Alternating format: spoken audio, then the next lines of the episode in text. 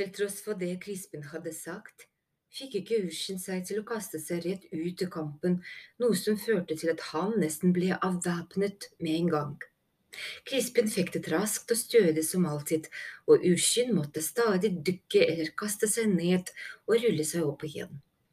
Så la han alle sine krefter og ferdigheter inn i kampen. Kongen fortjente den beste motstanderen han kunne få. Han lot hvert slag telle, forutså enhver bevegelse og tvang kongen til å gjøre feil, før han kjente at han selv ble presset mot veggen. Dette begynte å bli moro.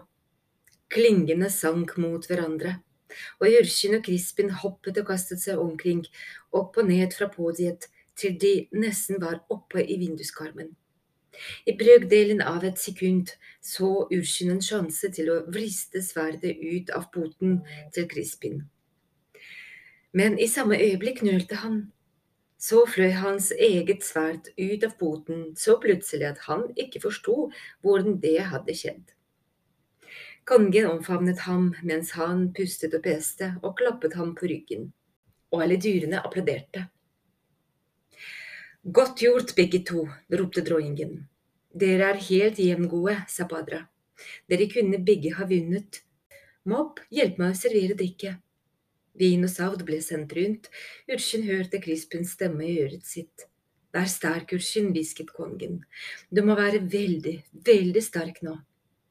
På den tiden det tok Urskin å ta imot begeret fra Mopp, var Krispen forsvunnet.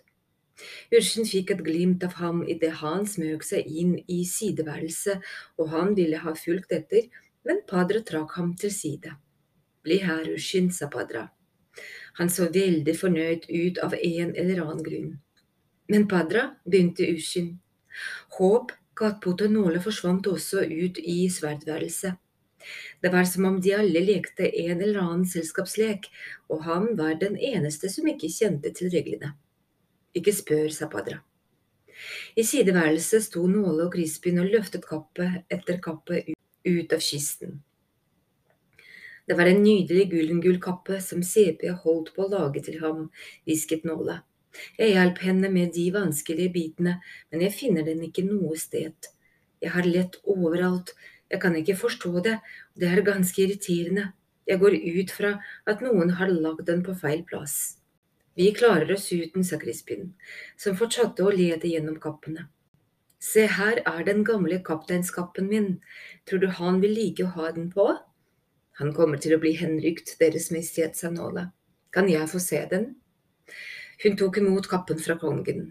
Hun hadde ventet at den skulle være krøllet, men kappene hadde blitt lagt pent på plass, og den kjentes glatt og fin ut, som om den akkurat hadde blitt luftet og børstet. Broderiene rundt kragen og kantene var like skinnende og fargerike som alltid. Ursen pleide ikke å gå glett i den tradisjonelle grønnfargen for ekorn. Den passet ikke like godt til den lyse pelsen hans som til den dype rødfargen til de andre ekornene. Men Nåle visste at det ikke ville bety noe. Bare tanken på skulle ikle seg krispens kappe ville være vidunderlig for ham. Jørgen lurte fortsatt på hva som foregikk, og hvorfor Padre sto her og oppholdt ham.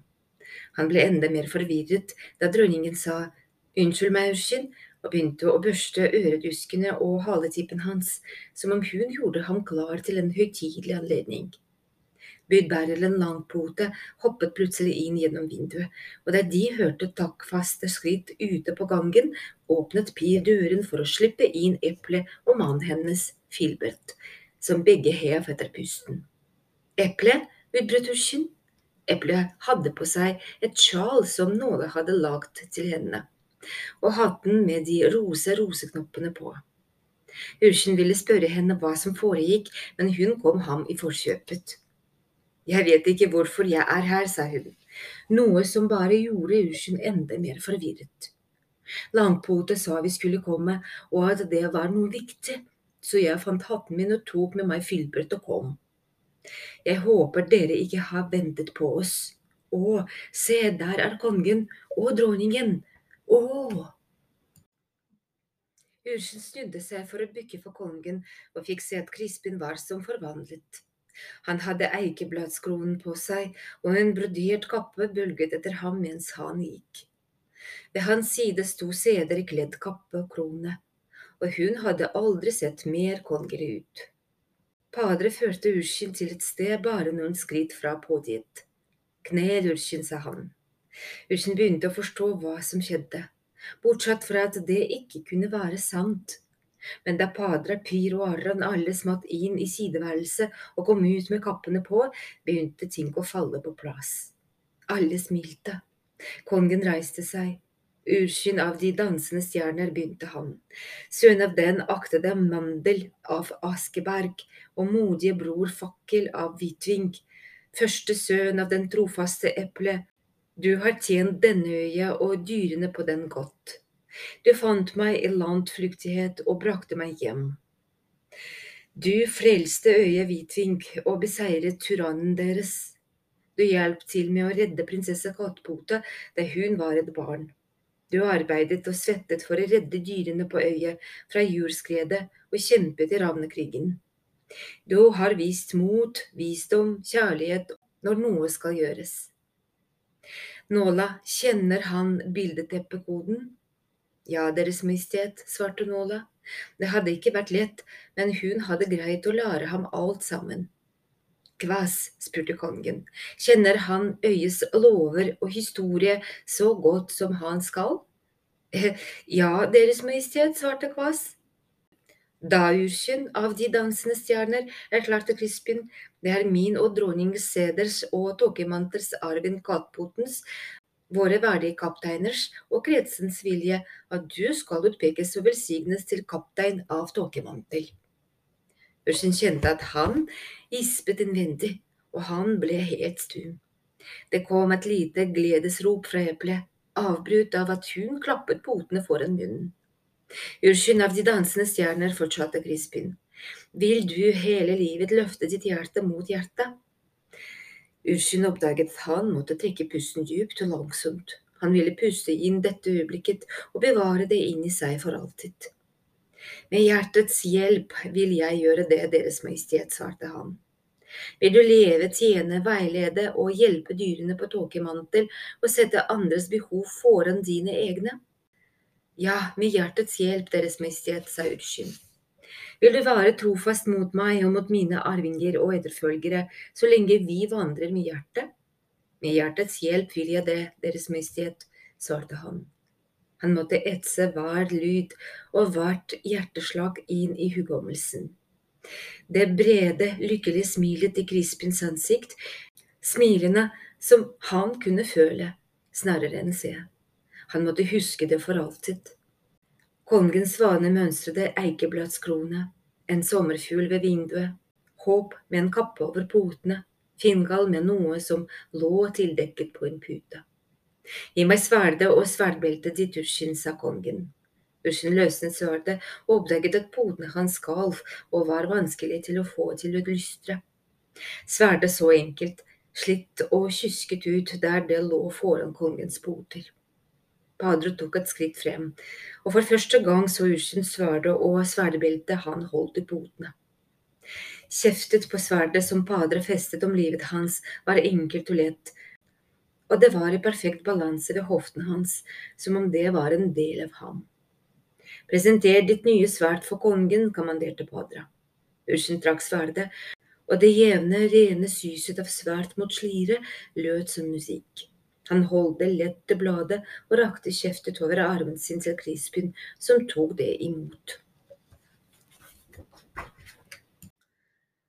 Einar tok et skritt frem og la begge potene sine på Urskins hode. Det kunne ha vært varmen fra potene hans, eller bare kraften i øyeblikket, men det føltes for Urskin som om det strømmet sollys inn i kroppen hans. Urskinn av de dansende stjerner, sa han. Lev ditt liv i hjertet og i hellighet. Tjen rettferdighetens sak. Elsk barmhjertelighet. Verdsett alle dyr som dine like. Vær alltid rede til å lære. Fryd deg over hver nye dag. Vær en god kaptein og en god venn. Del latter og tårer med dine meddyr og må hjertet bevare deg, styrke deg, gi deg kraft, lede deg og ta imot deg. Crispin kysset klingen, for rettferdighet og frihet, sa han. Urskin ta sverdet og kyss klingen. Urskin gjorde som han sa.